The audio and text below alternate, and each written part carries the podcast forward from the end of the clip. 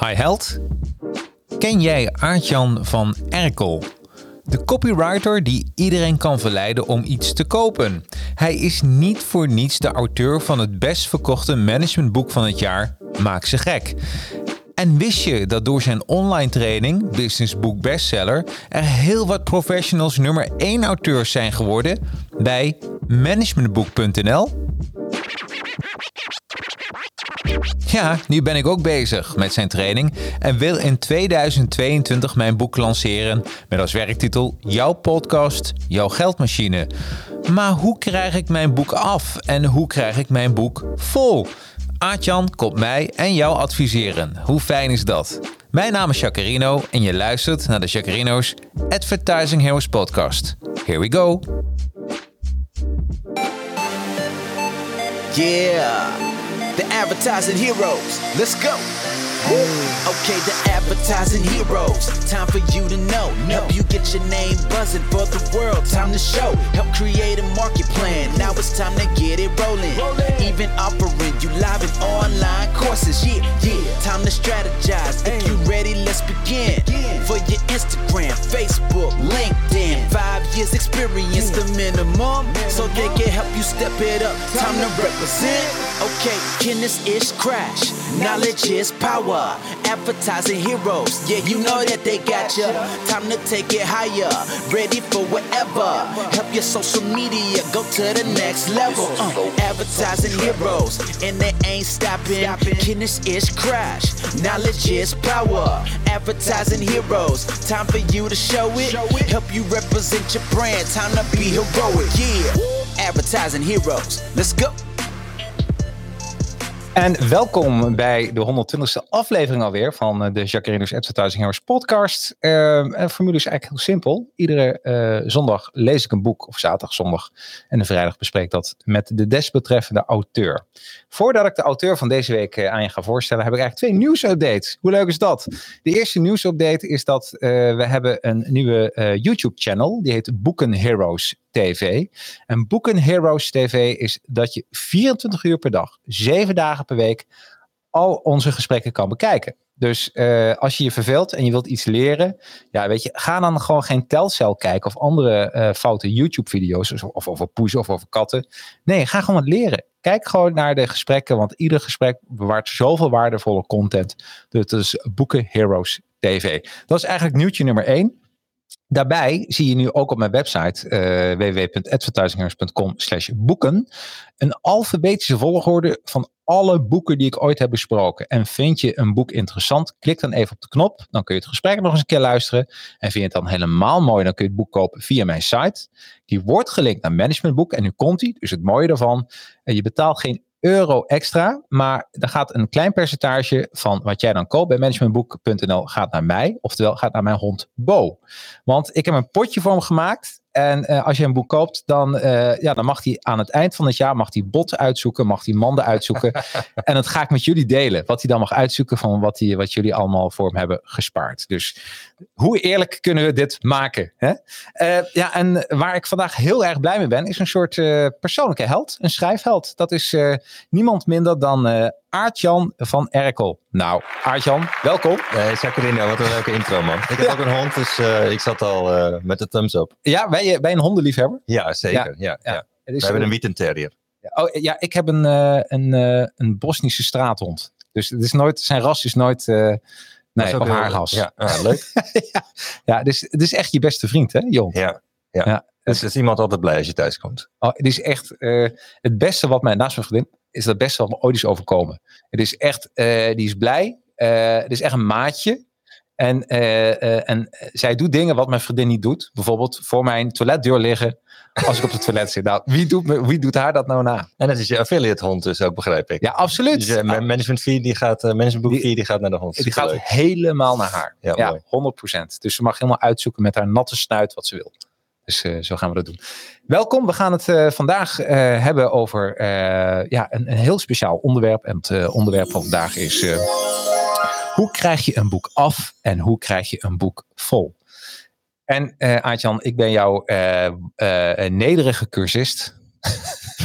Want ik volg jouw training. En dat is deze training. Ja, superleuk. businessboek bestseller. En eh, A, eh, jij geeft waanzinnig goede webinars. Want natuurlijk eh, eh, heb ik ook webinars van jou gevolgd. En eh, ja, dus dat is gewoon heel goed. Heel veel waardevolle informatie. Ehm, en eh, het was een paar jaar geleden, nou ik denk anderhalf, twee jaar geleden. Toen had ik een keer met Mark erover, maar ik had nog geen onderwerp. Met eh, Mark Tichelaar van eh had het boek Focus geschreven. En hij zei, weet je bij wie jij eens moet aankloppen?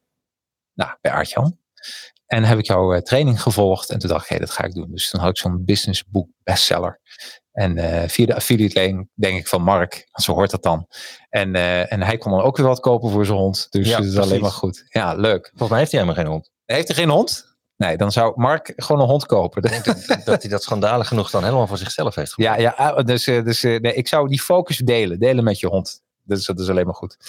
Ehm, ja, Aartjan van Erkel. Voor de mens, weinige mensen die jou niet kennen, kun jij een soort eh, ja, één minuut durende, mag ook wat korter, elevator pitch houden? Ik denk dat hij wel korter kan. De beruchte copywriter van Nederland. En wat me berucht maakt is dat ik de marketing niet op een orthodoxe manier aanpak. Dus als je bij mij op de mailinglijst staat, dan mail ik je elke dag. Ja. Iets waarvan de meeste eh, ondernemers zouden zeggen, dat moet je natuurlijk nooit doen. Hè? Nee, nee, Dus nee. De meeste marketing-experts die zeggen, nou, dat is te hoge maildruk, dat gaat niet. Dan krijg je afmeldingen en dan krijg je allemaal opt-out. En, eh, heel onverstandig.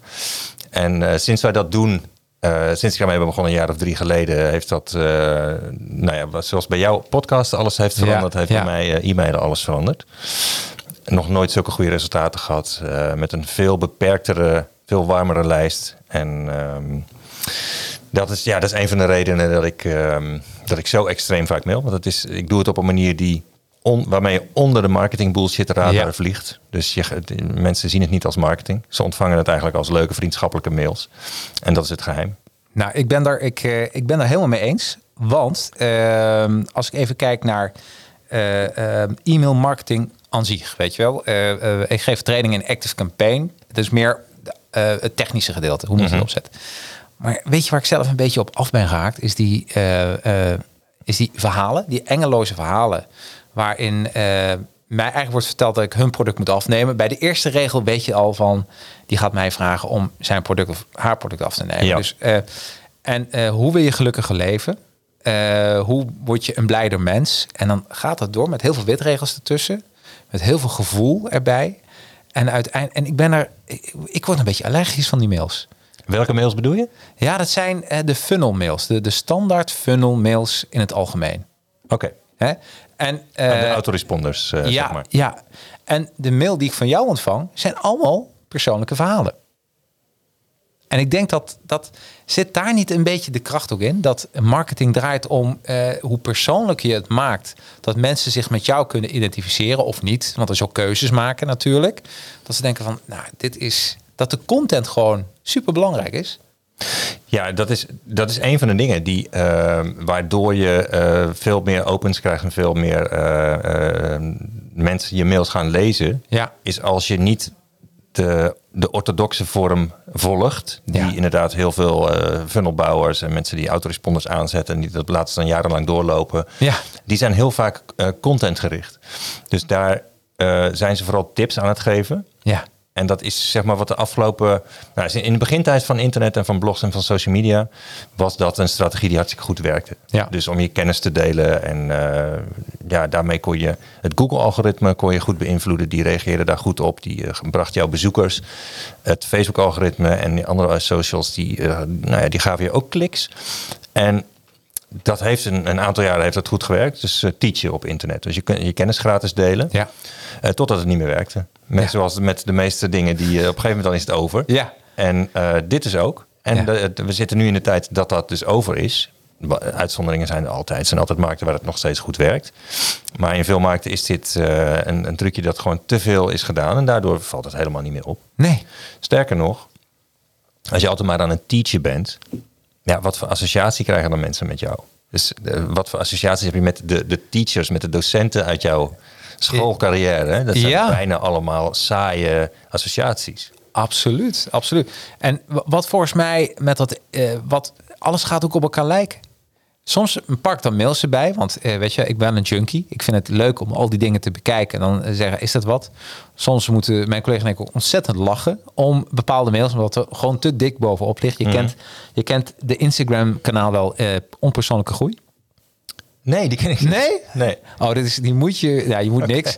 Maar als je onpersoonlijke groei, is even een tip voor iedereen. Als je die bekijkt en beluistert, dan denk je bij jezelf, wat, wat is dit? En, en mensen worden coach moe. Dat meen, Ja. meen ik echt. Ja. En eh, ik ken heel veel goede coaches. Dus ik wil coaches eh, ook in mijn eh, vriendenkring, in mijn kennissenkring, in mijn, de expertkring.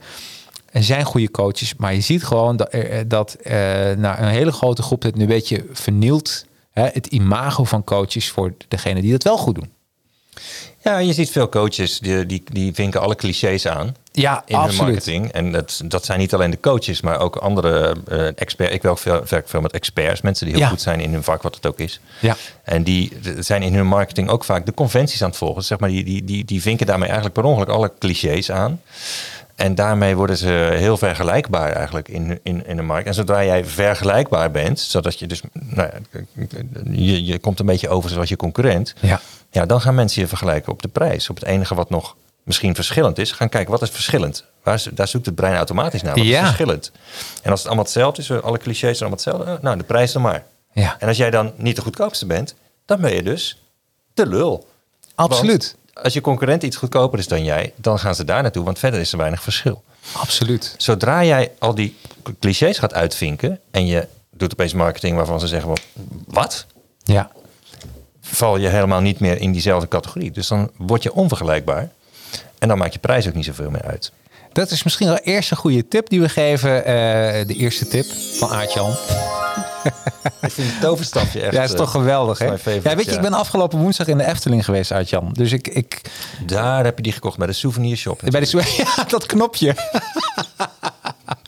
maar die weten trouwens heel goed hoe je magie moet bedrijven in een bedrijf. Dat is zo'n wereldbedrijf. fantastisch. Het is hier een wereld van flipkasten en superhelden. En Kryptonite staat hier op tafel. Ja, absoluut. een toverstokje. Ik, Ja, echt gewoon alles. Ik ben helemaal- is het helemaal te genieten. Een stukje magie is het gewoon.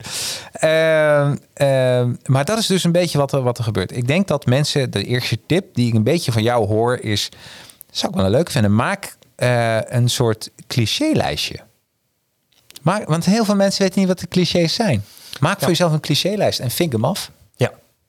Het is heel leuk om te doen. Op, Ja. eh, gewoon tijdens een vrijdagmiddagborrel of zo. Wat Ja. zijn de clichés nou? Hè? Dat is, eh, dat is Ja. een beetje nu. Wat, is de, wat zijn de clichés in onze markt? Zullen wij eens een top 3 cliché maken nu van e-mail marketing? Oké, nou jij bent de Active Campaign eh, expert. Ja, ja, ja. Nou, wat, als ik het nummertje 1 moet doen, wat echt een eh, eh, ehm, eh, zinnen gebruiken, ehm, helemaal bovenin, wat mijn leven helemaal heeft veranderd. ja. Snap je? Dat is echt een super cliché. Dan denk ik, Ja. oh, dan gaan we weer. Ja. Ik, ik, zelfs als ik heel serieus adverteer op Facebook en ik probeer dat allemaal weg te laten, zit altijd wel iemand die reageert, oh, daar heb je weer zo één. Ja, maar dat, dat, is nog, dat is nog vrij geavanceerd hoor. Dan hebben ze echt wel een, eh, een visie op e-mailmarketing. Zijn ze nog wel redelijk. eh, Ja. Daar hebben ze echt over nagedacht. Maar de, de clichés waar echt het grootste deel van de ondernemers mee bezig zijn, dat zijn dingen als genummerde nieuwsbrieven. Genummerde, nu- leg eens uit. Nieuwsbrief 104, november 2021. dat is de titel van de nieuwsbrief. En dan, nou ja, dan Verzamel ze allemaal. zo van, dan denk ik dat ik wel weet hoe die van volgende maand heet. Ik, van mijn accountant krijg ik die mail, dan krijg ik zulke letterlijk deze, deze titel. Ja, Maar ik vind op een accountant moet je ook kunnen rekenen. Dus eh, dit, dit is ook, maar het is heel Ja, die- voorspelbaar. Die, kop je heel goed in. Maar dat is ook, wat zij in die mail zetten, is ook, eh, daar kun je ook op rekenen. Dat zijn allemaal fiscale nieuwtjes en eh, een verandering in de belastingwetgeving. Heb- Super boeiend. Heb je dan niet als, eh, als copywriter, ik heb zo'n zin om die noot te kraken? Nee, het is juist leuk om, de, om het in, om er in podcast om te lachen. Ja, ik, dat kan ik me ook voorstellen. Ik kan me ook voor dat je soms dingen ziet en dat je, je heb ik dan, je handen gewoon beginnen te jeuken. En dan, eh, maar ja, niet zo vervelend. Wat ik ook heel vervelend vind, is dat je dan een mailtje krijgt van iemand. eh, goh, eh, leuk, ik heb naar je site gekeken. En ja, ik heb een paar op- of aanmerkingen voor je. En, eh, en, en dit is mijn, mijn offerte, weet je wel?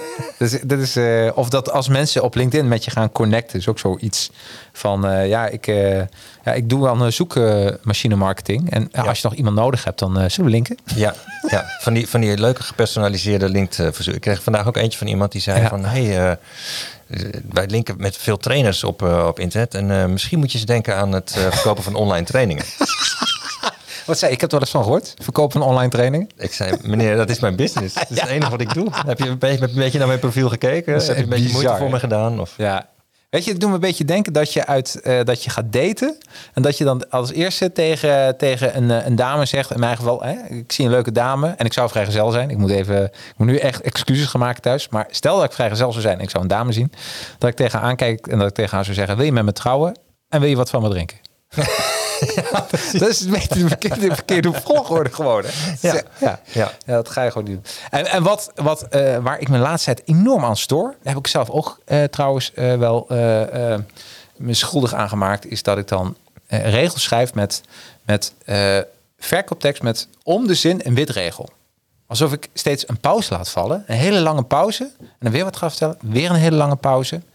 En ja, ik noem dat een beetje, eh, dat is misplaatsen eh, eh, emotie of zo, weet je wel? Dat is, eh, net alsof je Ja, dat is een verkeerde soap aan het schrijven Maar bent. jij bent heel goed in audio. In audio is dat, dat doe je dat niet. Je kunt Nee. niet zoveel pauzes laten vallen. Nee. Ik heb dat van vorige week ook weer gemerkt. Toen heb ik mijn nieuwe boek ingesproken in Mhm. de audioboekstudio.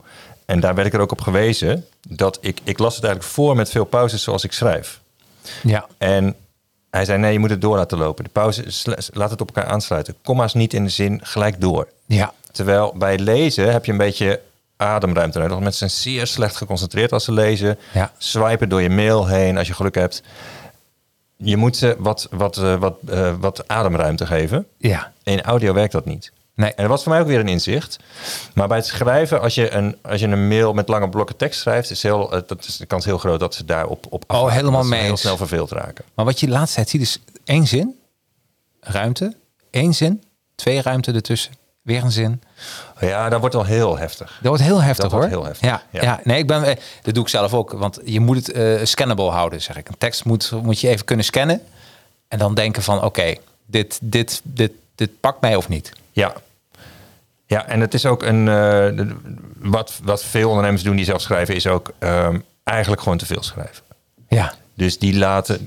Het enige wat een, wat een zin in je mail bijvoorbeeld of in je boek moet doen, is ervoor zorgen dat ze de volgende zin ook gaan lezen. ja, En er wordt veel boeken, daar zit te veel wol die eigenlijk afgeschoren had moeten worden. Dus de, de lezer moet heel veel wol wegscheren om een beetje Absoluut. ehm, eh, eh, tot, tot de kern te komen. Dat, dat moet je als auteur doen. Ja. Dus eh, elk woord moet daar echt wel zijn, eh, moet zijn plek daar verdienen. Hey, als je even kijkt, eh, ik ga je een vraag stellen. En dan denk je van waarom stelt Jacques die vraag nu? maar het heeft iets te maken met een, een- misschien wel het meest belangrijke in je boek. Aartjan, wat was jouw hobby voor je twaalfde jaar? Dus voor, voordat je ging eh, puberen. wat was jouw grootste hobby? Wat deed, wat deed Aartjan vroeger thuis waar hij heel blij van werd? Ik was met allemaal natuurdingen bezig. Schelpen verzamelen, stenen verzamelen. Ehm, ik had van een oom had ik zelfs afgehakte vogelpootjes. Die waren dan met een van een meerkoet. of Was op de, op de, op puntje, heel luguber. Puntje Ja. was een beetje eh, van die rode pijplak. Waar je Ja. vroeger een zegel mee kon maken. Was daar vast gesmolten zodat het niet ging rotten. Of weet je. Ja, ja. Is heel, heel vies. Dus ik was, veel, ik was gefascineerd door de natuur op die leeftijd. Eh, Wilde jij dan bioloog worden of iets dergelijks? Boswachter. Een boswachter. Mhm. En heb je, daar, heb je ooit een boswachterschool gedaan? Of was, eh Nee, het is een fase was dat. was een fase? Ja. En de tot je, en toen, toen je, want het- ik heb het echt over de puber. Tot aan de puberteit wa- wilde jij boswachter worden. Ja, maar ook eh, kok wilde ik op een gegeven moment worden. Ja. Stuurman op een oceaanstomer. Ik, ben, al- ik was all over the place. Ben- maar Zou je kunnen zeggen dat dat, dat al een beetje, want nou ik jou, ik ga je geen woorden in de mond leggen, maar als ik dit hoor, dan is het een beetje, dan ben je gewoon de hergé van de, van de literaire wereld. Jij wilde, je, je was een soort avonturier. Zo klinkt het wel, hè? Ja, Ja. ja. En waarom ik dat nou zeg, want eh, eh, jij neemt ons mee in jouw mooie verhalen in de wereld. Je schrijft over, over heel veel dingen, dus een beetje eh, om een, literair, maar op een lekkere, lucht- luchtige literaire manier verzamel jij of stuur je die mailtjes naar ons. En waarom ik dat vraag, omdat een van de, van de tips die je geeft in je training is zoek een goed onderwerp die bij je past. Dat is eigenlijk, en dat is super moeilijk. Ik bedoel, heel vaak weten mensen, ik wil een boek schrijven, maar waar ga ik het over hebben? En is het misschien niet heel makkelijk om gewoon terug te gaan naar wat vind je nu echt leuk?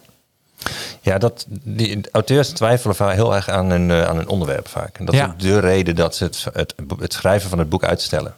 Dus ze willen dat soms al jaren. Ja, En het, ze doen het niet, want ze weten niet zeker of het een goed onderwerp is. ja, En ehm, ik vind het fascinerend bij jou om te zien dat je, je hebt inderdaad allemaal van die leuke dingen die jij super leuk vindt, zoals superhelden en cartoons. En daar, daar, daar doe je nu ook echt wat mee in jouw Ja. branding en in jouw, eh, jouw visuele stijl. En het staat hier bijvoorbeeld flipperkasten en heet het, Spider-Man onderzetters. En, eh, ja ook toch. Ja, briljant. absoluut. Dus je, je hebt dat inderdaad echt helemaal doorgetrokken. Ik weet niet of iedereen... Geldt voor mij geldt in ieder geval niet echt dat ik vanuit mijn... dat ik met mijn jeugdhelden of, of fascinaties of zo nu nog iets doe. Het is wel zo dat ik altijd heel talig was. En dat ik heel geïnteresseerd was in, ehm, in schrijven. Oh ja, wat, Dus wat, wat las jij als kind? Ja, alles eigenlijk. Bij mijn, bij mijn ouders stond eh, niet veel soeps in de boekenkast. Ik kan me K. Norel herinneren en boeken van Con Salik. En eh, nou, een beetje de jaren zeventig. Ah, ja. Boekenclubs Ze waren, geloof ik, eh, mijn moeder was geabonneerd op eh, Boek en Plaat. Dat was zo'n... Ja, eh, tuurlijk. Drie voor tien gulden was het toen. Kreeg je Toch? elke maand kreeg je, ik geloof, een boek of een plaat of zo. Ja, ja. Eh, alleen ja, de, de- dus wat er in de kast stond, dat, eh, dat las ik. waren vaak eh, hardcover boeken met eh eh, stoffig ruikende pagina's. Ze waren al vrij oud, zeg maar. Heerlijk. En eh, ja, een paar klassiekers van Wolkers en eh, Hermans en zo. En verder eigenlijk van alles en nog wat. Dus eigenlijk, Ik was echt een veellezer als kind. je was een veellezer. Dus Ja. eigenlijk is, kun je dan zeggen, was je dan meer buiten of binnen trouwens als kind? Eh, meer binnen. Ja, weet je, het is weer, het is weer een heel ander idee wat ik opeens heb. Want eh, bij, als je zegt van, ik was afgehakte, eh, eh, v- eh, noem dat, vogelpootjes aan het verzamelen. Nee, nee, die, die had ik niet zelf Nee, die had je niet zelf. Nee, die had ik van maar- iemand gekregen. ja, je wilde boswachter worden, maar je zat gewoon binnen. Ik zat binnen, ja. Ja, is toch briljant? Ja, ik kwam eigenlijk nooit in het bos. Nee, nee. ja, maar dat bedoel ik. Dus eigenlijk neem je, de, neem je in je mind. Dus je zat gewoon binnen te lezen. En, Ja. en je ging helemaal. Dus, eh, dus eh, wat ik eigenlijk wil zeggen is: als mensen wat zelfonderzoek doen, wie was je nou? Want ik geloof echt, dat is mijn theorie. Of die klopt, weet ik niet. Heb ik nooit bewezen gekregen. Eh, maar ik denk gewoon, na je puberteit, dan word je een beetje gevormd. Dan ga je op meisjes letten, dan ga je mee in de trend. Dan denk je, oh ja, nee, mijn kleding, hoe ik me aankleed, dat doet er echt wel toe. Als kind tot 12 maakt het toch helemaal niks uit. Nee. Toch? Maar dan doe je echt wat je leuk vindt. Dus ik denk van als je, als je dat is sowieso je professie. En vervolgens moet je een onderwerp kiezen waarvan je denkt van dit moet ik echt leuk vinden. Want het lijkt me echt, het lijkt me echt super saai om een boek te schrijven wat wel geld opbrengt, maar wat je totaal niet leuk vindt. Ja, en het, een van de dingen waarbij ik, eh, waar ik heel erg door getriggerd was vanuit mijn jeugd, was dat eh, ik ben opgegroeid in een ondernemersfamilie. Ja. Dus mijn ouders hadden een winkel. Maar mijn grootouders hadden ook een winkel. Dus mijn ouders hadden een verf- en behangwinkel, zo'n decorettenwinkel hadden zij. Mijn, mijn eh, opa en overgrootvader waren melkboer. Een andere opa was drogist. En eh, we hadden ook een molenaar, molenaar in de familie. En allemaal van die kleine middenstanders. Ja, ja, ja. En die moesten zich allemaal de coleren werken. Want die, ja, die, dan werk je gewoon 60, 70, 80 uur in de week. Ja. Je staat in de winkel en je moet ook de administratie s'avonds doen. En je bent met leveranciers bezig. En het, is, het, het houdt nooit op. Nee. Dus ik dacht altijd, ja, ondernemen, dat gaan we dus echt niet doen. Dat wist ik in ieder geval, dat was duidelijk in ieder Ja. geval. Ik weet in ieder geval niet gaan ondernemen, want dat, dat is veel te hard werken. Ja. En toen kwam ik van de universiteit af en het eerste wat ik deed was in loondienst ergens gaan. En binnen zes maanden had ik bijna een burn-out. En ik dacht van, ja maar ik moet nu doen wat iemand zegt waarvan ik denk van, ben jij van een pannenkoek? Ja. Of ben jij een raar mannetje of vrouwtje? Waar ik helemaal niks... En ik dacht van, oh, wacht even, is dit loondienst? Ja, ja. Dit, eh, dit, dat werkte dus niet. Dus Nee. ik, ik had een heel klein beetje moeite met autoriteit, zeg maar, van random werkgevers. Ik- dus Dat is de basisingrediënt voor iedere ondernemer. Iedere ondernemer heeft een autoriteitsprobleem. Ja, dat zie je wel heel vaak terugkomen. Ja. Ja, en dat, merkte, dat had ik eigenlijk pas door toen ik eh, ermee geconfronteerd werd. En toen ben ik uiteindelijk toch gaan ondernemen. Maar ik heb wel echt een vorm uiteindelijk gevonden die, waarbij ik een schaalbare business heb. Ja. En niet het ehm, klantje voor klantje model, wat zeg maar mijn hele familie eh, had gekozen. Ja. Want dat wilde ik per se niet. Dus ik wilde tijd hebben voor- om, om eh, genoeg aan mezelf toe te komen. Om tijd te hebben voor mijn kinderen en voor, eh, voor, mijn, voor mijn gezin. En dat, dat, dat was bij mijn ouders gewoon, die moesten echt wel heel hard werken. Dus vandaar dat ik een andere keuze heb gemaakt uiteindelijk in mijn business. En dus nou ja, bijvoorbeeld voor die, het verkopen van online training, het schrijven van boeken. Dus Ja. wel bereik, maar ehm, niet om meer te verdienen altijd maar meer moeten werken. Nou, daar ben je echt wel een voorbeeld van. het schaalbaar online trainingen verkopen. Er zijn, eh, laat zeggen, een, een, een, zijn niet zo heel veel ondernemers die dat goed doen in Nederland. Als ik er zo naar kijk, hè, van wie goed online trainingen verkopen, ik denk dat eh, dat ben jij. Dus Ilko, Ilko de Boer. Dan zit je volgens mij in een mastermind groepje bij, of niet? Gezeten, ja. Gezeten, ja, precies. Eh, nou, dus eh, eh, IMU, die, die hebben dan een softwarepakket, hè, plug and pay. En, dus er zijn een paar die wel steeds terugkomen in de markt die dat heel goed doen. En er zijn heel veel mensen die dat de hele tijd proberen, maar dat gewoon niet echt heel erg lukt. En dat heeft, waar dat mee te maken heeft, weet ik niet. Dat is, dat is, dat is een andere zoektocht. Wa- Waarvan zou jij zeggen, wat is nou waarom het bij, bij jou wel lukt en bij heel veel anderen juist niet? Wat veel mensen doen die hun, hun kennis, hun expertise willen gaan verkopen, dat is dat ze erachter komen dat ze er heel weinig geld voor kunnen krijgen. Dat, dat, de, er is iets wat, eh, we hadden het daar straks ook al over. Het is niet zo interessant meer om te teachen in je marketing. Te veel, Nee. mensen, te veel mensen doen dat. dat is een, Ja. Ik noem dat de informatie-inflatie. En dat zie je ook in de markt voor online trainingen. Hmm. Je hebt, er zijn nu platforms ontstaan zoals Skillshare en, en Udemy en er zijn er nog een paar. Ja. Daar kun je eh, op Skillshare, je geloof ik 12,50 per maand een, eh een jaarabonnement nemen. En dan heb je toegang tot ik, nou, misschien wel 10.000 online trainingen. Precies. Of je kunt ze op andere platforms voor twee tientjes of voor 18 euro per stuk kopen. Ja. Met andere woorden, voor peanuts. Ja. En als jij een millennial bent, je komt net van school en je hebt met je iPhone een cursus handlettering opgenomen en je hebt eh, een super lage vaste lasten, dan is dat misschien nog hartstikke leuk om Ja. 18 euro voor een, eh, een training te krijgen. Maar als je serieus ondernemer bent en je hebt e- een echte expertise en je bent een grijze wolf, zoals ik dat noem, dus echt, je hebt echte ervaring en je wordt gezien als een expert door je omgeving, Ja. dan kan het natuurlijk niet waar zijn dat jij twee tientjes of maar ook niet 150 euro voor een, voor een training eh, ehm, kunt afrekenen. Nee. Dat bedrag moet veel hoger zijn, want de waarde die jij hebt, eh, die jouw kennis heeft, is ook veel hoger als ze die goed gaan gebruiken.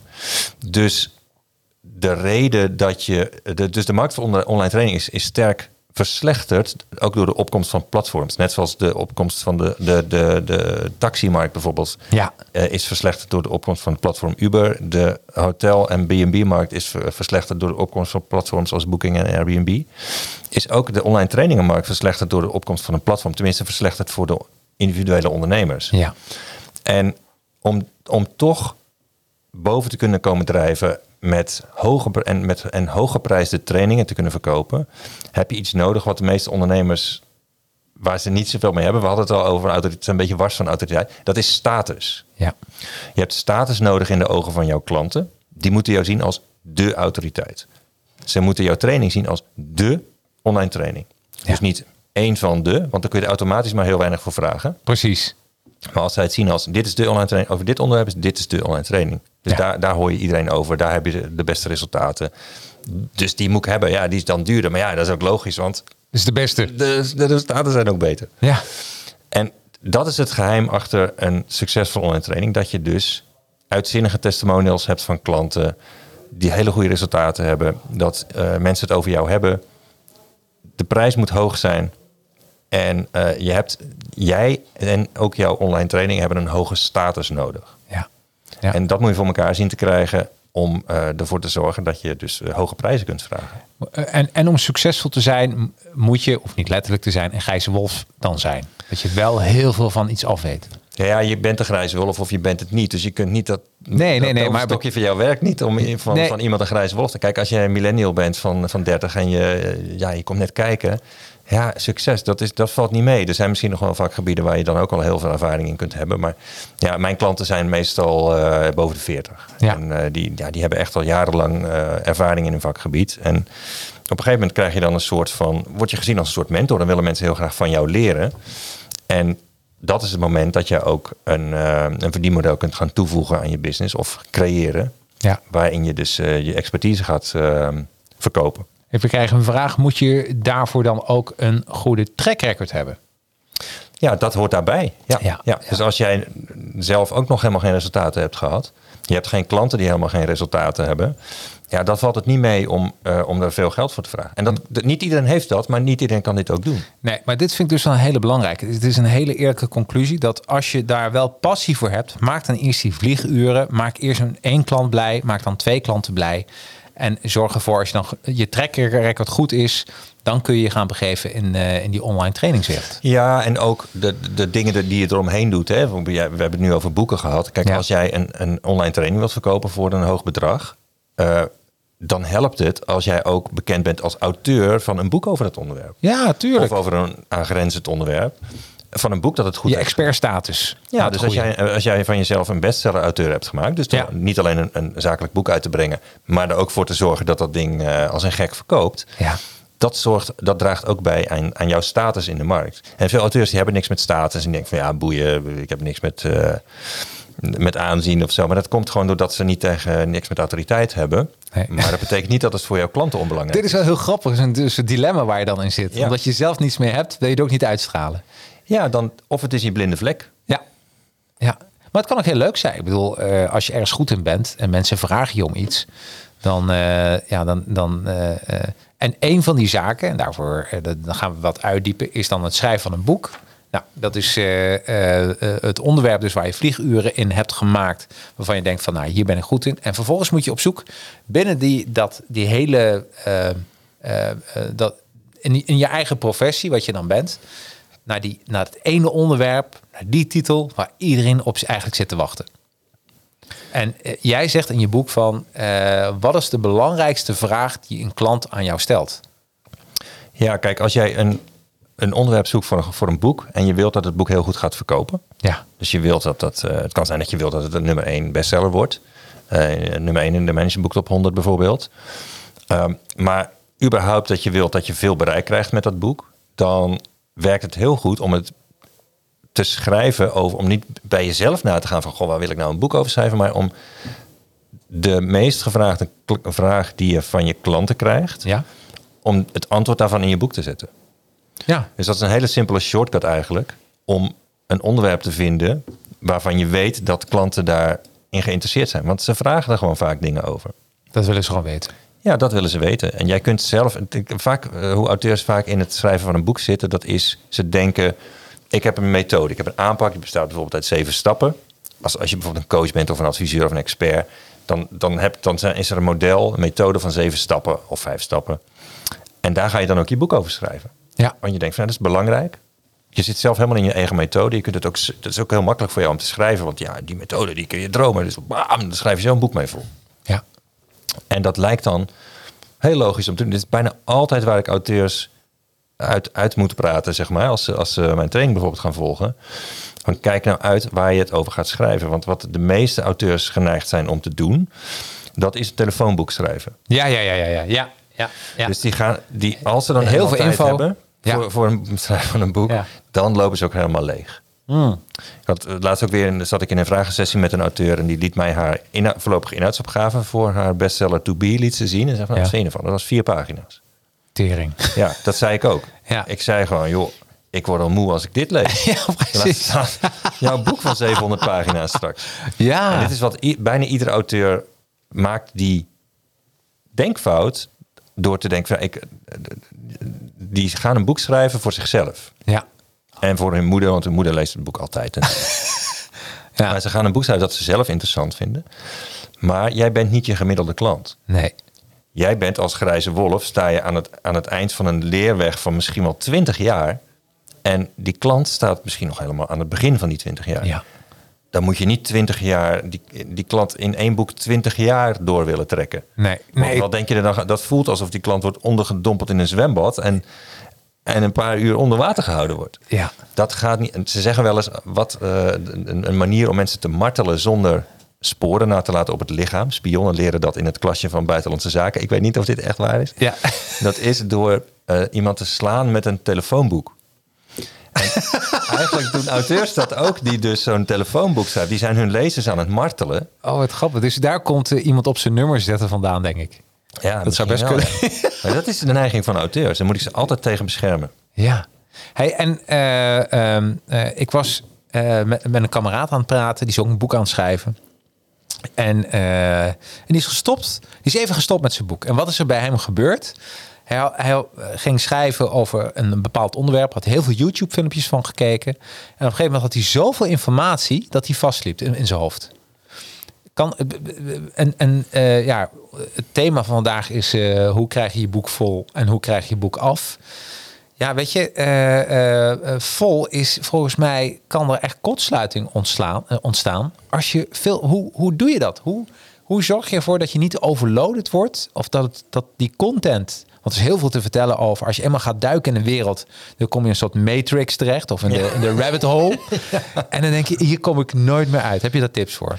Ja, dat is, ook, dat is ook dat. Want dan ben je eigenlijk een boek aan het schrijven wat je zelf interessant vindt. Want je, bent, je weet er al heel veel van. Waarschijnlijk is die makker van jou, weet al heel veel over het onderwerp. Heel veel. Maar die gaat er dan nog meer YouTube-filmpjes over bekijken. Ja. Dat komt voort uit een soort van het, voor, het goed willen doen. En misschien ook een onzekerheid van, oeh, een boek, het is toch spannend. Maar je weet eigenlijk al genoeg. Dus je hoeft niet nog een keer extra boeken te gaan lezen, YouTube-filmpjes te bekijken, alle podcasts over het onderwerp luisteren. Dus dat hoeft helemaal niet. Nee, Je weet al meer dan genoeg. Je sterker nog, je weet veel te veel. dat is het probleem. het hele probleem. Dat is het hele probleem. Ja, het enige wat jouw boek hoeft te doen, dat is niet jouw lezer onder water houden, ondergedompeld in een zwembad en dan een uur onderhouden. Nee, het enige wat jouw boek hoeft te doen, is die lezer fucking nieuwsgierig maken. Door ze interessante verhalen te vertellen over wat jij doet. Bewijzen te geven, dus dat cijfers en stories waaruit blijkt dat jij niet alleen als expert dat kunt, maar dat jouw klanten dat ook kunnen en daar ook goede resultaten mee hebben. Ja. En een volgende stap bieden. Dus van, fuck, dit is interessant. Ja. Eh, wat nu? Wat nu? Ja. Ja, en dan niet, wat nu is niet, nou, in de overige 600 pagina's van dit boek is het ultieme handboek over dit onderwerp en ik geef hier eigenlijk alles wat ik weet. Ja. Dat is niet wat nu. Dat is helemaal niet wat een lezer wil. Nee. nee. Je wil, eigenlijk wat je, wat je wil, dat een, een, eh, je wilt de koffer in met je lezer. Ja, precies. Dus als die gaat een, zijn koffertje aan het inpakken is voor een weekendje een ste- stedentrip of zo. En die, die wil, of, of, of een weekje naar de zon. Laten we zeggen een weekje naar de zon. En dan liggen er, op het bed liggen alle stapeltjes kleding en eh, bikinis en eh, boeken en uh, toiletten ligt allemaal klaar. Dat past natuurlijk niet in die rolkoffer. Want je Nee. wilt, wilt, wilt alleen handbagage, ga je sneller door de controles. Ja. En shit, ja, moeten toch dingen thuis blijven. Nou, van al die boeken neem je er maar één mee. En dan wil je dat als jouw, dan ligt jouw boek erbij en dan wil, ze, wil je dat ze jouw boek meenemen. Ja. Dus dat, ze, dat je de koffer in mag met je lezen. en dat lukt alleen maar, dat lukt niet als jij een boek van 600 pagina's hebt geschreven. Nee. Een magnum opus, een telefoonboek. Ja, Dat precies. lukt alleen maar als je een leuk boek hebt geschreven. Ja. Waarvan ze alleen al door het door te bladeren en naar de inhoudsopgave kijkt, dan zeggen, oh, dit wordt leuk. Ja. Ah, dan neem ik die mee. Ja.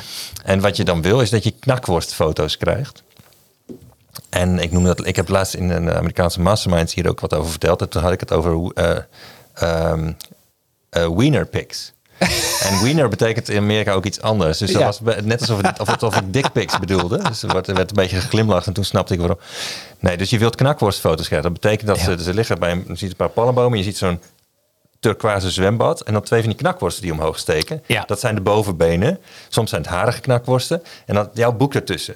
Ja. Met andere woorden, Ja. hey, Ja, ja, ja, ja, ja. ik ben jouw boek aan het lezen. Dat zie je zo vaak tijdens eh, de zomervakantie. Zie je dat soort foto's voorbij komen. Inderdaad. ja, maar dan is het vaak met fictie. Ja. Van, oh, ik ben een super mooie roman aan het lezen. Ja. Maar als je met non-fictie dat voor elkaar wil krijgen, dan moet die vol met entertainment zitten. Absoluut. Dus dat boek moet gewoon hartstikke leuk zijn om te lezen. Het moet geen fucking zware kost zijn. Een hele magnum opus waarin jij zeven stappen uitlegt. Ja. Want ja, daar, daar, haak, daar haken klanten op af. Dat is veel te rationele informatie. Zou je kunnen zeggen, het toverwoord hierin is ook infotainment? Ja, Ja, toch? Ja, zeker. Dat is de, de manier waarop je informatie verpakt in verhalen. Zeg maar wat eh, Zondag met Lubach doet. Ja. Kijk, Zondag met Lubach heeft voor elkaar gekregen wat veel serieuze journalisten en eh, media niet voor elkaar kregen, dat, dat er kamervragen gesteld werden over obscure onderwerpen. Ja. Had op een gegeven moment die TTIP, dat was een of andere handelsverdrag tussen Amerika, Oh ja, Canada en ja. Europa of zo. Eigenlijk hele saai tos, eh, Hele kost. kost. Ja. Ja. maar zijn, hun- zijn redactie had het goed uitgezocht. En ze hebben toen gezegd van... hé, hey, er kunnen allerlei gekke bedrijven... kunnen straks de Nederlandse overheid suwen... of ik weet niet meer precies wat de risico's waren... die we, die we daardoor liepen. Maar zij hebben dat door het te verpakken in... ehm, simpele verhalen, dingen die entertaining zijn, grapjes... de informatie daarin te verpakken. Dus goede informatie... Maar dan is het van een treaty van 600 pagina's... is het gegaan naar een item waarom, waar je om kunt lachen in, in zo'n talkshow. Ja. En daardoor werd het opeens duidelijk voor het publiek... en werden er opeens ook door Kamerleden vragen over gezegd... van wow, wow, wow, wat, waar zijn we nu bijna akkoord mee gegaan? Ja, ja, ja, Want ja, we hebben ja. dit in Lubach gezien. En, en dat is de kracht van infotainment. Dus het lijkt een ludiek programma en hahaha... maar ondertussen hebben zij heel veel... ehm, een heel referendum over eh, het Oekraïne-referendum destijds hebben zij veroorzaakt Dit is een een hele heel goede lijstje tip. van dingen, van maatschappelijke dingen die ze hebben of tegengehouden of awareness over hebben gecreëerd. Dit vind ik echt een super tip. Eh, Schrijf alsof je een redactielid bent bij Zondag voor Lubach.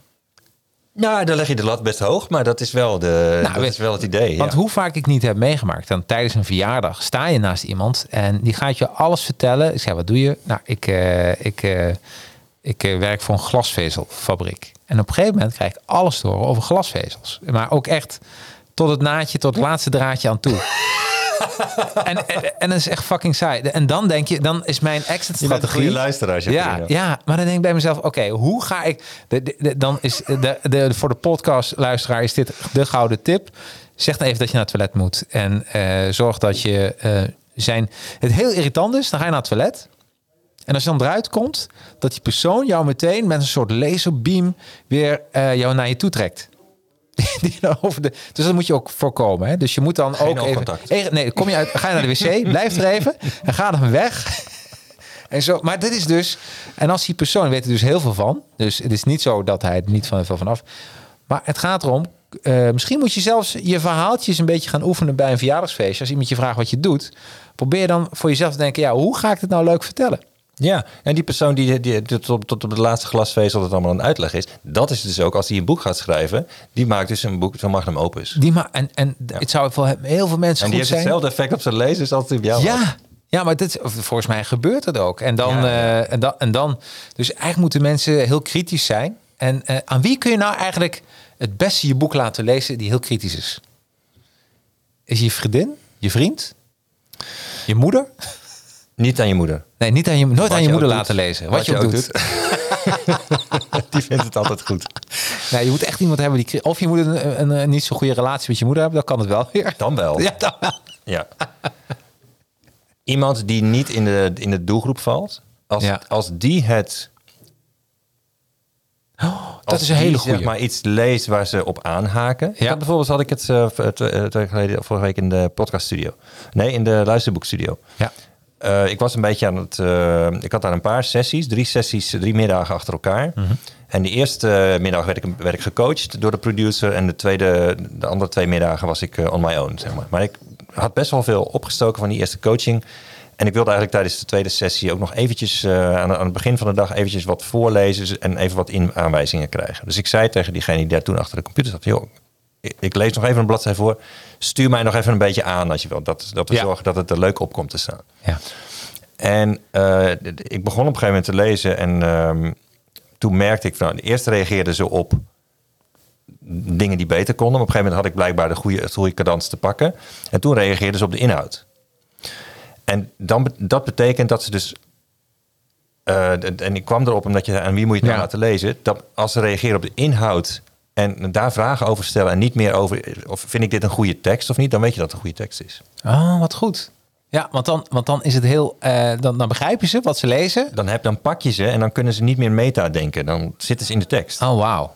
Ja, wat ik een hele goede tip van je vind. En dat zie ik. Ik zie ook dat als mensen samen gaan schrijven. En dan bijvoorbeeld twee coaches. ehm, ehm, die laten het aan elkaar lezen. En, of die laten, en dat is ook een beetje een nadeel. Dan wordt het in dat, in dat groepje. Mensen hebben dan ook nog vrienden die ook coach zijn. En ze gaan allemaal hetzelfde lezen. Dus eigenlijk moet je dan iemand pakken. die buiten die groep valt. En liefst eh, complementair is. Dus iets heel anders doet, zeg je. Want dat is, dat is eigenlijk dan iemand die niet van die materie iets af weet. Ja.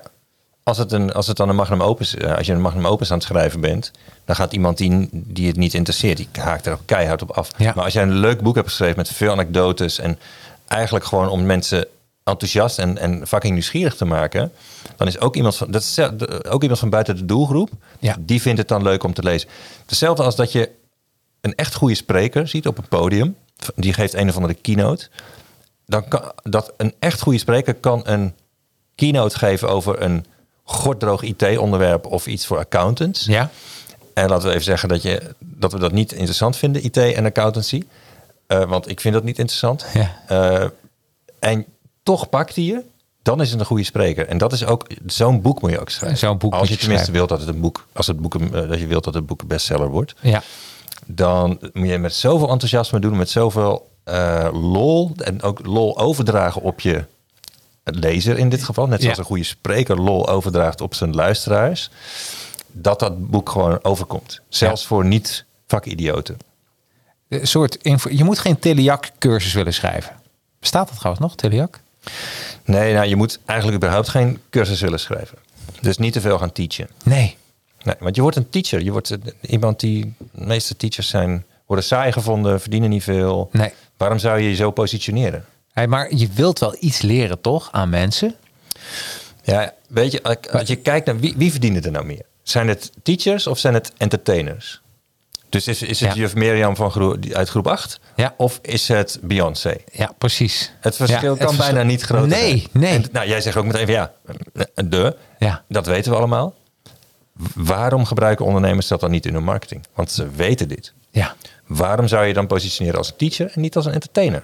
En je kan als entertainer nog steeds wel dingen mensen leren. Op een leuke manier. Als je infotainment brengt, wel. Dus Ja. je, je geeft een stukje goede informatie. Of een goed inzicht of iets om over na te denken, zoals Lubach doet. Maar je brengt het op een entertainende manier. Dan gaan ze ermee aan de haal. Daar gaan ze mee aan de haal. Hey, en dan over eh, wat heel belangrijk is. Dan, dan, dan, ga je, dan heb je geschreven. Er, er- ook een structuur is fijn. Hè? Hoe je, boel, eh, je krijgt wel een boek vol. Maar eh, eh, uiteindelijk heb je ook een bepaalde structuur nodig. Daar heb je in je training heb je daar een paar voorbeelden van. Kun je even eentje met ons delen? Wat is nou een structuur? Hoe je je. Er zijn ook bijvoorbeeld, eh, bijvoorbeeld uitgeverijen die hebben een soort boekenformat.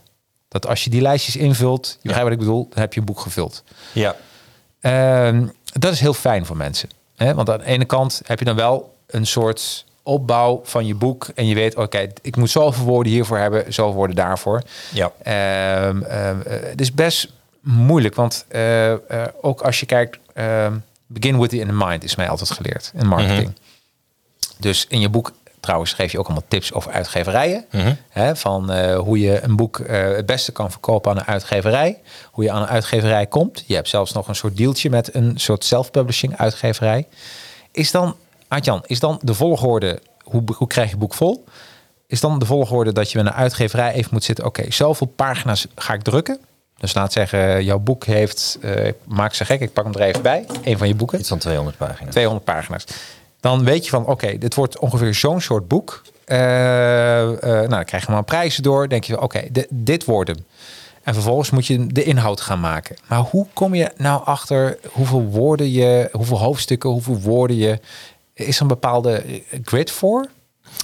Wat bij veel auteurs gebeurt, is als ze eenmaal het boek aan het schrijven zijn, Ja? dan is de lengte is niet zo'n probleem. Want dan, gaan ze, dan lopen ze helemaal leeg. Ja. Dat is juist eerder een probleem. Ja. Dat het te veel wordt. Ja. Dus ehm, uitstelgedrag is wel een probleem. Ja. Uh, maar wat je vooral nodig hebt, is dat je het inzicht hebt van ik wil niet een boek schrijven dat alles wat ik weet ga overbrengen. Of een boek dat eigenlijk voor iemand zoals ik zelf Ja. interessant is. Stel dat je je alles wat jij, alles, al jouw teachings, alles wat jij weet aan jouw klanten, dan zou je een soort van stroomdiagram of een mindmap of zo van kunnen maken. Dan kun je wel die proberen die hele mindmap in dat boek te krijgen. Maar dan ten eerste moet je redelijk vluchtig over alles heen gaan. Ja. Maar ook, het wordt veel te veel. Ja. En het is al heel mooi als mensen, net als bij een, een talk op een podium of een TED-talk of eh, een YouTube-video. Het is al heel mooi als, er één ding, als je er één dingetje uit onthoudt. Dat is al heel mooi. Ja. En sommige sprekers zijn er heel goed in, maar auteurs zijn er vaak niet zo goed in. auteurs willen graag dat je duizend dingen onthoudt. En alleen je bent na de eerste 50 ben je, heb je het boek al weggelegd. Want het is, je denkt echt van ja, god allemachtig. Hé. Dat is echt heel veel. Ik heb de hele dag hard gewerkt. Ja. Kijk dit er ook nog bij. Dit is een beetje veel, joh. Ja. Doe even relaxed. Ja. En zo gaat het vaak met boeken. Dus als je nou eens in plaats van dat je die hele mindmap in je boek probeert te proppen, gewoon één dingetje uitpakt, waarvan je zegt van, ah, dat vinden ze altijd een leuk onderwerp. Ja. Oh, daar, hebben- daar, daar moeten ze altijd om lachen. Of daar, daar zijn ze altijd door gefascineerd. Of dat nou terecht is of niet. Hè? Want misschien Ja. is dat wel een veel te klein onderdeeltje van de big picture die je als, als expert weet dat ze eigenlijk zouden moeten willen weten. Ja. Of dat hebben ze eigenlijk nodig om het resultaat te krijgen wat ze met jouw methode kunnen krijgen.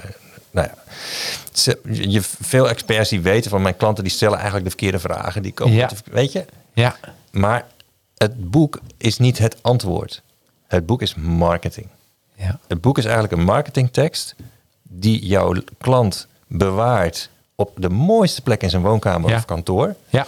Die, daar heeft hij speciaal meubel voor gekocht. Ja. En hij bewaart jouw marketingtekst tot zijn dood, want we doen geen boeken weg. Ja. En hij geeft jouw marketingtekst cadeau aan zijn beste vrienden en vriendinnen op hun verjaardag. Ja. Met een, met een paar woorden erbij van, dit is een leuk boek, je lezen. Ja. Als het een leuk boek is, hè? Niet als het een telefoonboek is. Nee, nee, nee, nee. Niet nee, als het een magnum opus is. Nee. Niet als de hele mindmap erin zit. Nee. Dat is het mooie van een boek. En dat krijg je alleen maar voor elkaar als je dus niet de hele mindmap erin stopt, maar een klein stukje eruit hebt gepakt. Wat ze altijd heel leuk vinden. Daar kun je helemaal over losgaan. En da- dat ga je oppompen. Nou ja, en je gaat het niet oppompen, maar je gaat het als een kerstboom ga je er verhalen aan hangen. Ja, ja, ja. Die ja, allemaal ja. heel leuk zijn, die, die het punt nog een keer duidelijk maken. Je kunt beter duizend keer op dezelfde spijker slaan, Ja. dan duizend spijkers eh, in hun hoofd proberen te rammen. Want dat, dat kunnen ze helemaal niet handelen. Nee. Wat vind je dan, eh, wat helemaal in is, eh 50 tips om, of 15 manieren. Want eigenlijk, dat kan dan wel, maar dan moet het wel passen bij de kerstboom, zeg je. Dan ga je het opdelen in 15 stukken. Ja, kan, dat kan een manier zijn om, om snel een boek af te krijgen. Dat Ja. je gewoon bedenkt van nou, ik heb eh 50 tips die ik vaak geef, die ga ik. Maar dat is, dat, dat is best veel. En het wordt toch al gauw een soort van onsamenhangend geheel. Of het wordt heel veel. Ja. Moet je dan een beetje vooruit kijken. Ja. Maar dat kan werken, ja. Ja. Maar Ja. het boek, het boek volkrijgen is voor, is voor veel auteurs niet zozeer het probleem, maar meer het ehm volkrijgen met de, de goede dingen. Ja. Wat is het? eh, er komen best wel wat auteurs uit jouw stal die jouw training hebben gevolgd. Ik zie jou dan ook delen van, goh, er heeft weer iemand hè, eh, een taart gekregen van managementboek.nl. Ja, stonden op één met een eh, boek. Ja. Is er, zit er een, en dat is natuurlijk voor jou heel moeilijk om te kiezen tussen al je kinderen, tussen aanhalingstekens. Maar is er een boek bij dat als je zegt, nou als je naar dat format kijkt, hoe die dat heeft of zij dat heeft gedaan, dat is nou een schoolvoorbeeld zoals het eigenlijk zou moeten? Ja, dat zijn niet zozeer, het is niet zozeer formats. Want ik merk dat je een beetje zoekt naar een soort van ehm, Precies. een template voor een, voor een, een leuk Bestseller. Een leuk een template voor een bestseller. Ja, Ja. dat is er niet echt. Nee. Het is meer de. Want kijk, de, de, de- ik heb een auteur die heeft een boek over leiderschap, leiderschap geschreven. 10 miljoen jaar leiderschap van Leon Schaapkens kwam op één. Maar ook een boek over slapen van Floris Wouterson, Superslapen. Ja. En eh, Mark Tichelaar, die je al noemde, met Ja, Focus aan Focus. huis. Dat Absoluut. gaat over concentratie. Compleet verschillende onderwerpen. Ja. Compleet verschillende structuren. Alleen ze hebben wel allemaal boeken gelezen. Ik heb het boek van, van Mark heb ik gelezen in de, toen ik een dag in de sauna was. Ja. En echt eh, als een trein, hè? Ja, de kerstboom is focus. En daar heeft hij eigenlijk al de balletjes aangehangen waarvan je denkt, oh, hij heeft alle kanten van die kerstboom een beetje belicht. Hij heeft ervoor gezorgd dat wij hem nu noemen als de koning van de focus. Absoluut. Hij wilde dat zijn boek een fenomeen werd. Ja. Hij heeft er inmiddels 75.000 verkocht. Ja. Jeetje, dat is echt veel. Dat is, ja, dat is ziek veel voor eh, zakelijke non-fictie. Ja. Dat is bijna, eh, komt bijna niet voor. nee. Ik heb een andere auteur, eh, Elke Wis, met haar boek Socrates op sneakers. Die, heeft, Ja. die zit ook in de buurt. die is hier ook geweest. oh, leuk. Ja, absoluut. Ja. Nou, superleuk boek geschreven. Die heeft ook meer dan 50.000 verkocht. Ja. Gaat nu ook internationaal mee. Ehm, het is niet dat je die boeken naast elkaar legt. Oh ja, die hebben allemaal hetzelfde trucje gedaan. Of hetzelfde template gebruikt. Nee, het zijn compleet verschillende auteurs. Compleet verschillende vakgebieden en persoon- persoonlijkheden. Maar wat ze wel gedaan hebben is super entertaining boeken geschreven. Ja. Leuk om te lezen. Kun je echt zo meenemen op vakantie. Ja, dus, dus eh, dat zijn de mooie focus. eh, dat, tenminste, dat zijn mooie tips. Focus eh, van Mark Tichelaar en eh, Socrates op sneakers Ja. van Elke Wis. Eh, en ze zijn ook alle twee behandeld in deze podcastserie. Hoe leuk is dat? Mooi. Dus eh, Hey, ehm, eh, nou, dat is een beetje idee van hoe krijg je je boek vol op een goede manier. Maar eh, wat minstens zo belangrijk is, en eh, we hebben nog een eh, kleine 10 minuten. Ehm, dan wordt alle stroom hier uitgeschakeld. Nee hoor, maar dan eh, is show gewoon nog in één keer boef, weet je wel. Alsof je zo'n arcadekast waar de muntjes op zijn. Ehm, maar eh, hoe krijg je boek af? De planning. Heb je een soort, eh, bestaat er een soort ideale eh, voorbeeldplanning? Dat je zegt, nou als je dat doet, dan... eh, want hoe lang mag je doen over een boek? Wat is slim? Twee jaar? Of een, of een half jaar? Ik ken iemand die kan een boek schrijven in drie weken. Ik ken iemand die kan een boek schrijven in één week. Een goed boek, maar ik ook kan een dat goed boek. zelf helemaal niet. Nee. Dus ik doe er echt wel eh, een aantal maanden over. Ja. Eh, Hoeveel maanden doe jij erover, Aatjan? Deze heb ik ehm, een maand of zes over gedaan. ja, Nummer één die uitkomt in januari. Maar het is... Dat zo heet hij ook, nummer één. Hij heet nummer één. Zo wordt je bek- bekendste naam in de markt. En krijg je klanten voor het leven. Is de ondertitel. Zo briljant, hè? nummer één. Ja, Ja. da- het gaat erover hoe je de nummer één wordt in je markt. Ja, dus ja, hoe je de bekendste naam met de hoogste status. Oh, briljant. Ja, dat gaan we ook nog een keer hier bespreken, toch? Ja, als hij uitkomt, dan Ja. kom ik hem graag een keer toelichten. Ja, Leuk. leuk. Nou, bij deze. Ja, Ja, nee, Neem nee, een, paar, absoluut. een, paar, een paar mee als cadeau voor je, voor je luisteraars. Ik heb ze nu nog niet. We gaan een maar, eh, wedstrijdje doen. In januari zijn ze beschikbaar. Ja, leuk. gaan we iets leuks doen. Ja, dan gaan we iets leuks doen. Dan gaan we echt iets heel tofs doen. Hey, maar eh, dus dit is niet een algemene planning. Het is niet een soort lijstje dat je zegt van. eh wat moet je bijvoorbeeld in, moet je in een bubbel een boek schrijven? Dus moet je dan in een week in een, in een eh, soort klooster gaan zitten om te schrijven? Of doe je dat tussen de soep en de pap door? Ja, er zijn, er zijn duizend auteurs en duizend stijlen. Dus ik, ik ga je niet vertellen van dit is de... En zo, sowieso is planning niet mijn, eh, niet mijn sterke kant. Zullen we maar heel voorzichtig zeggen. Oh, briljant. Dat je ook niet je sterke kanten weet. Oh ja. ja. Nee, daar heb ik mijn team voor. Die Ja. zie je gelukkig maar. Oh, ideaal. Dus, ehm, maar een, een aantal dingen die, over, die voor het afkrijgen van je boek heel handig zijn. En die ook wel met planning te maken hebben. Eh, een van die dingen is, maak gebruik van hoe je brein in elkaar zit bij het schrijven van een boek. ja. Als je ergens heel erg induikt, dan is het vaak dat werkt tot het niet meer werkt. Dus op een gegeven moment dan ja, heb je ergens hard aan, bijvoorbeeld hard aan je boek gewerkt, een middag of een uur of wat, hoeveel tijd het ook maar is. Daarna is opeens is het, is het op en komt er niks meer uit. En, maar dan kan het wel zijn dat als je eh, een paar uur later in een pan ettensoep staat te roeren die je aan het koken bent, dat je opeens denkt, fuck, zo, dit is het, het onderwerp voor het volgende hoofdstuk Ja. waar ik niet uitkwam. ja, Of dit voorbeeld kan ik natuurlijk gebruiken in dat hoofdstuk. Ik zocht naar een voorbeeld en nu weet ik het opeens. weet je het opeens. En waar het dan vandaan komt, dat weet je niet. Nou, Nee. Dat komt vanuit je onderbewuste. Dat is namelijk op de backburner. Dat staat ook in het boek van Mark trouwens. Ja. Over focus. Op de backburner is dat blijven doordenken over dat onderwerp. Dat is heel handig. Ja. Dus die, die, die, de, de computer blijft door ratelen. En maar jij bent wat anders aan het doen. Ja. Dus die invallen moet je dan wel opschrijven. Mhm. Want ideeën zijn net als glibberige visjes, zei een beroemde copywriter ooit. Je moet, je moet ze vaststeken met een, beetje bloederig, met een scherp potlood. Ja. Anders dan ontsnappen ze. Ja, precies. Dus precies. die ideeën die moet je wel vangen. Dus Ja. meteen opschrijven op een Google documentje of zo op je telefoon of op, Mhm. op een stukje papier. En ehm, je kunt dus wel zeggen, ik ga drie weken vrij plannen in mijn agenda en dan is alles wat ik eten, drink en slaap is boek en dan moet het daarna af zijn. Dat kan voor sommige auteurs werken, maar voor mijn eigen persoonlijkheidstype werkt het veel beter als ik het verspreid over de tijd en mijn onderbewuste laat door Oh, heel mooi. over dingen. Ja. Dus ik, wat ik nu heb gedaan in mijn, eh, bij het schrijven van, van dit boek, is elke dag het eerste uur van de dag, waar ik normaal ging ik dan lopen met, met mijn hond. Want wij wonen in Zeist aan de rand van het bos. En, eh, ik Ja, mooi, altijd, eh, nadat ik mijn dagelijks e-mail schrijf en heb ontbeten met de kinderen, Ja. ga ik altijd met de hond in het bos lopen. Ja. Maar ik ben een ochtendmens. Dat uurtje met de hond is mijn, een van mijn beste uren van de dag. Ja. Als je een boek af wil krijgen, is dat een super uur om te gebruiken. Ja. Dus wat ik nu doe is een kwartier de hond. En dan smiddag als ik brain dead ben, dan doe ik, neem ik er wat langer mee naar het bos. Ja. Maar dat goede uur gebruik ik voor mijn boek. En dat heb ik veel dagen van de week, lukt niet elke dag, gedaan. Ben ik naar een koffietent gelopen, ben ik gaan schrijven aan, eh, aan mijn boek. En dat uur gebruik ik dan gewoon. Waarom niet thuis? Waarom ga je naar een koffietent toe? Nou, dat is een van de andere focus tips. Ja. Ehm, als je een. eh, ve- veel auteurs merken dit, dat als ze thuis gaan zitten, dan ben je helemaal, kun je helemaal doen wat je, wat je zelf. Dus alle afleidingen zijn gewoon, eh, hebben eh, vat op jou, zeg maar. Ja. Als je in een koffietent zit, dan kun je niet de was gaan opvouwen. Je kunt ook niet de vaatwasser Oh, uitruimen. wat een goede tip. Ja. Eh, als je je telefoon laat, kun je ook niet op je thuis laten, kun je ook niet op je telefoon gaan zitten. En je hebt een beetje het gevoel alsof, alsof je sociale controle hebt. ja. Iedereen zal- die in die koffietent ook is, zal het roesten wat jij zit te doen op je laptop. Ja. Maar toch denkt ons brein van, oh, ik moet nu wel werken.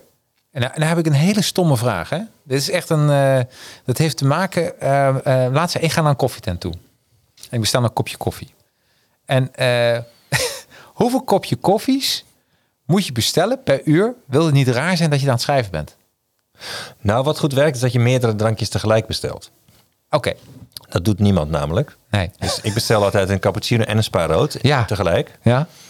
En dan, laten ze, je- dan kun je rustig een uur blijven zitten. En ik heb ook maar een uur eigenlijk. Dit is dus een briljante tip. Ja, want dit is een. ja, Volgens mij vraagt niemand dit. Maar dit zou ik. Ik zou me heel opgelaten voelen. Want dan gaan mensen. Ja, heb je koffie op? En dan denk je. En ik heb geen zin in koffie. Maar Ja. ik begrijp ook. Ja, tijd is geld. Dus dan denk je ook. Ja, ik bestel maar weer een koffie. Maar uiteindelijk ben je gewoon aan het tikken als een soort koffiejunk.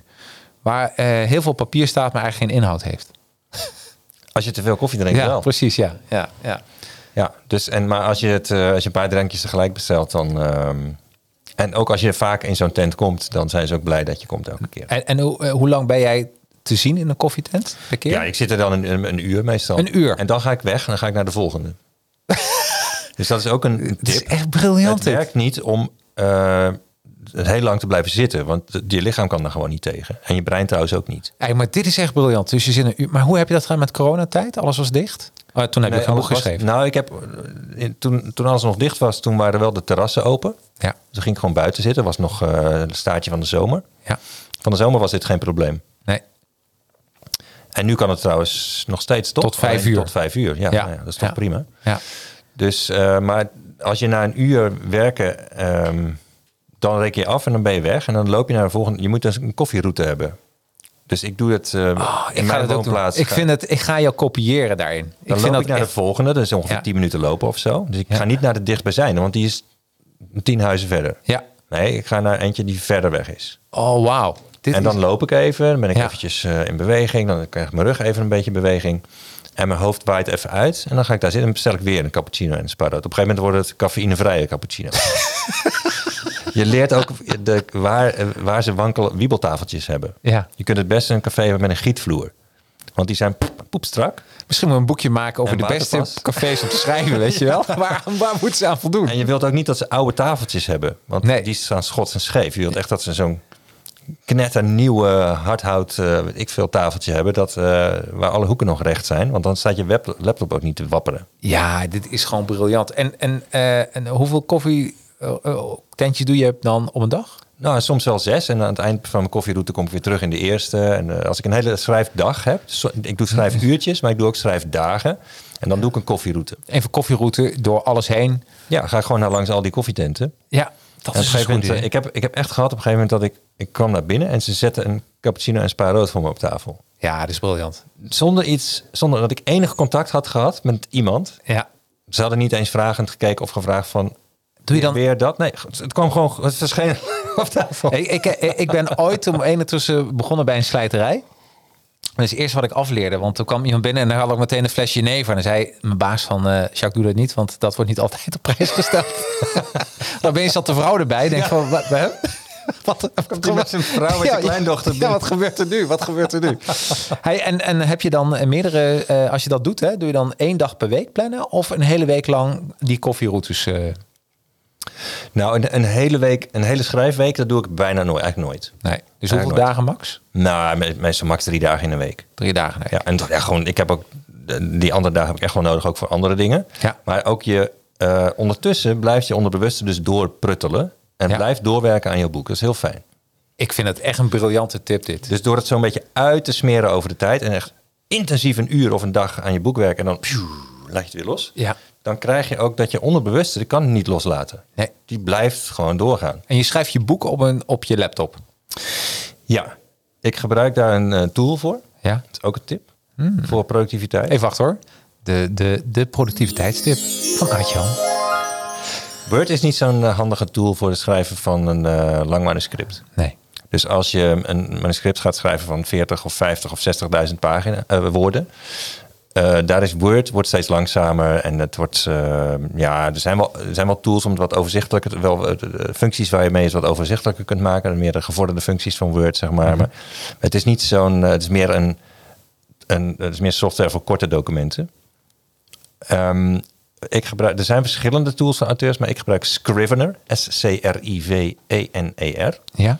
En zij hebben een eh, tool gemaakt waarmee je een heel goed overzicht houdt in je document. Je kunt ook stukken van je document heel makkelijk verplaatsen. Je kunt een hoofdstuk ploep in één keer verplaatsen. Oh. En dan uh, je kunt paragrafen uh, anders uh, rangschikken. Je kunt het um, ja, ook snel van de ene plek in je document naar de andere plek flitsen. In je Word moet je dan gaan scrollen. Ja. Dodelijk is dat. Ja.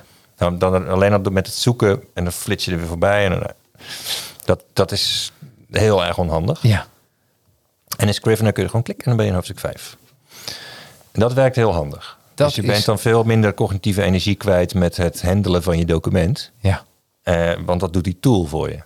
Dat is echt, ja, ik weet je dat ik hem zelfs heb, Scrivener. Ik heb hem ooit gekocht in zo'n Mac Heist pakket. Dat is Oh ja, kost, het kost echt niks. Nee, dus eh, de- in 79 iedere- euro of zo. Ja, absoluut. En dan heb je hele leven lang plezier van. Ja, ze hebben nog geen eh SaaS eh, abonnementmodel. Nee, eh, nee, nee. Dus het is echt ideaal. Helaas voor hun. Hey, we zijn het uur voorbij. Ehm, ja, ik wil je enorm bedanken. We, we- ja, tuurlijk ben ik heel veel dingen vergeten. Omdat we- ik denk dat we hier ook een marathon van zouden kunnen houden als we dat zouden willen. Eh, want we kunnen hier heel lang door over praten. Maar ik zou gewoon tegen mensen willen zeggen: kijk even op de site schrijvenvoorinternet.nl. Ja, en ga even naar slash sneak preview als je eh, wat meer wilt weten over mijn eh, nieuwe boek dat uitkomt in januari. Leuk, leuk, leuk. En dan die kun je dan ook horen, het gesprek eh, tijdens onze nieuwe podcast. Ja. Ja. Deze, superleuk. Eh, en dan eh, gaan we ook een leuk wedstrijdje doen eh, hoe je zo'n nummer 1 kan bemachtigen. Hoe leuk is het niet? Maar komen eerst gewoon zelf. En als je daar enthousiast over bent, en daar ben je, dan kun je eentje kopen voor je vriend of vriendin of collega. Waarom niet? Yes. Toch? Ja. Hey, hartstikke bedankt. Ben ik jou wat vergeten te vragen dat je na de hand zegt van, Jacques, nou, dit had ik toch wel een beetje van je Ja, verwacht. ik heb een persoonlijk voorwerp meegebracht. Ja, de Daar persoonlijk heel voorwerp. verhaal over. Nou, maar dat, ja, het hoeft niet. Als we geen tijd meer hebben. Ja, nee, dan- nee, dan we, hebben altijd tijd en we maken gewoon tijd. Laat het zien, laat het, laat het zien. Dat is wel leuk. Ik heb eh, twee vulpennen meegebracht. Ja. Ik, ben, ik ben helemaal into het schrijven met eh, vulpennen. Oh, Eh, omdat ik, ik had een slecht handschrift, dus vrij moeilijk leesbaar. Ja. En ik ben toen, ik, tijdens de lockdown wilde ik mijn handschrift gaan verbeteren. Ik dacht, nou, dat is een leuke, leuke nieuwe hobby. Ja. En toen ben ik in, eh, daarin, dat is ook een leuke rabbit hole, op, eh, onder andere op YouTube. En ik kwam erachter dat eh, ik ben met een handwriting tutor die ik vond op YouTube, Ja. heb ik mij met zijn, samen met zijn boek, heb ik mij een nieuw handschrift zeg maar aangeleerd. En wat heel mooi regelmatig is, het ziet er bijna een beetje uit als een, een handwriting font, zeg maar, van wat je op je computer kunt gebruiken. ja. Het ziet er super mooi uit. En als je zo mooi kunt schrijven, als je een, een mooi handschrift, dat is Ja. echt een, een, dat geeft je ontzettend veel vreugde. Het is fantastisch om een boodschappenlijstje te schrijven nu. Ja, met een vulpen. Wat je ook maar schrijft, wordt fantastisch, want het ziet er gewoon heel mooi uit. dus dat gaaf. geeft, dat, het geeft je echt een serieus een geluksgevoel. Dus dat is alleen al heel erg leuk. Wat cool. Maar dat gaat nog veel verder. Er, zijn, er is een auteur, een Amerikaanse, Amerikaanse auteur, Vimela Rogers heet zij. Ja. En zij ehm, is grafoloog, dus zij is expert in handschriften. En zij zegt, nou we weten allemaal wel dat je aan een handschrift persoonlijkheidskenmerken van iemand kunt aflezen. Hè? Ja.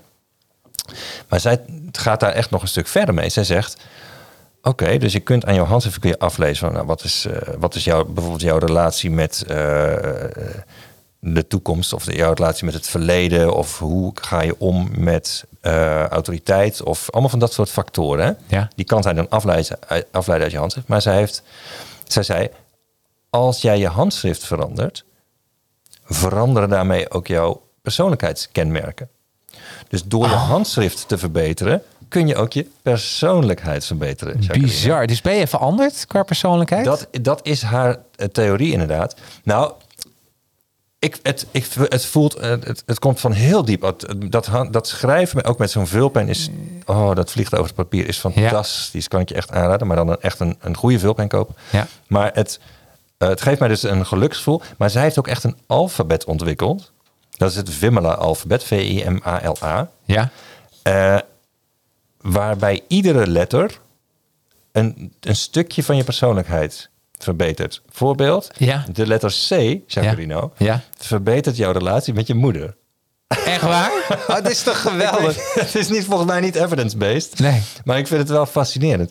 En zij heeft dus echt wel eens een. Ze geeft dan een voorbeeld in haar boek van. Nou, ik had een manager, was ontzettend micromanager. Zijn personeel wordt gek van hem. En ze, Ja. eh, zij is hem toe gaan coachen op het schrijven van één letter. En moest hij de hele tijd allemaal F of allemaal C of wat het ook maar was, moest hij schrijven. En daardoor ging zijn hele managementstijl veranderen. Oh, bizar Ja, is dit ik weet niet of dit voor iedereen werkt, maar ik vind het Is super het, het fascinerend. is een soort reverse engineering. Ja. Dat je gewoon eh, denkt van oké, dan gaan die draden worden even opnieuw weer aangeknoopt. Ja. En dat is toch geweldig. Je hoeft niet naar de therapeut, je moet gewoon de dop schroeven van je vulpen. Ja.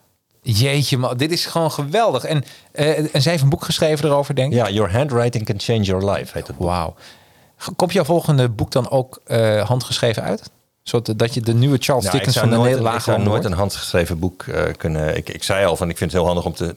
Ja, ja, ja, ja. even van plek te kunnen verblijven. Moet je nagaan dat je hele stapels handgeschreven. Ik zat daar net ook al. Ik had een paar aantekeningen gemaakt voor dit gesprek. Die was ik alweer kwijt.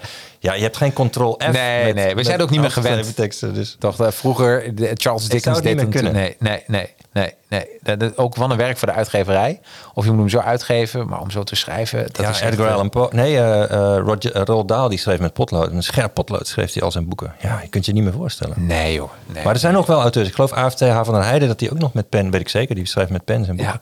Ja, ja, ja. Oh, wat geweldig. Nou, ik, misschien, je zegt het nu niet, maar misschien over tien jaar, eh, Aitjan, dat jouw eerste handgeschreven boek... eh, Ja, het- ik zou het wel heerlijk vinden, ja. ja. En, en kijken, wat voor persoonlijkheid wil je hebben? En dan kun je je handschrift op aanpassen. Ja, zo makkelijk kan het zijn. Nou, ik vind het eh, weer een goede tip. Gewoon, en als mensen hun relatie willen veranderen, geef je, ja, geef je partner gewoon eh, zo'n eh training dan cadeau. Vulpennen. De vulpennen, hoppakee. De Lamy Safari is een eh, vulpen van eh 25 euro, geloof ik. Schrijft super lekker. De Lamy Safari. Dat is niet wat ik. Ik heb hier een hele dure en ik heb eentje van, van eBay uit de jaren 40. Echt een fantastische Parker Vacuumatic. Ik vind het heel leuk om van die celluloid. fuck eh, you matic, dat klinkt... Vacuumatic, niet Vacuumatic. Oh nee, you. eh, dit is, klinkt wel heel erg. eh. Ja, je kunt echt Ja. de meest fantastische schrijfinstrumenten die antiek zijn, maar die, die schrijven nog fantastisch. schrijven. Ja, ja, ja. Maar ook de Lamy Safari van eh, 25 eh, piek bij eh, boekhandel, die schrijft ook als een dijk. Nou, dat is echt. En we krijgen complimenten van eh, Comic Geek die zeggen good vibes. Nou, daar gaat het gewoon om. hè? Nice. Ja, helemaal goed.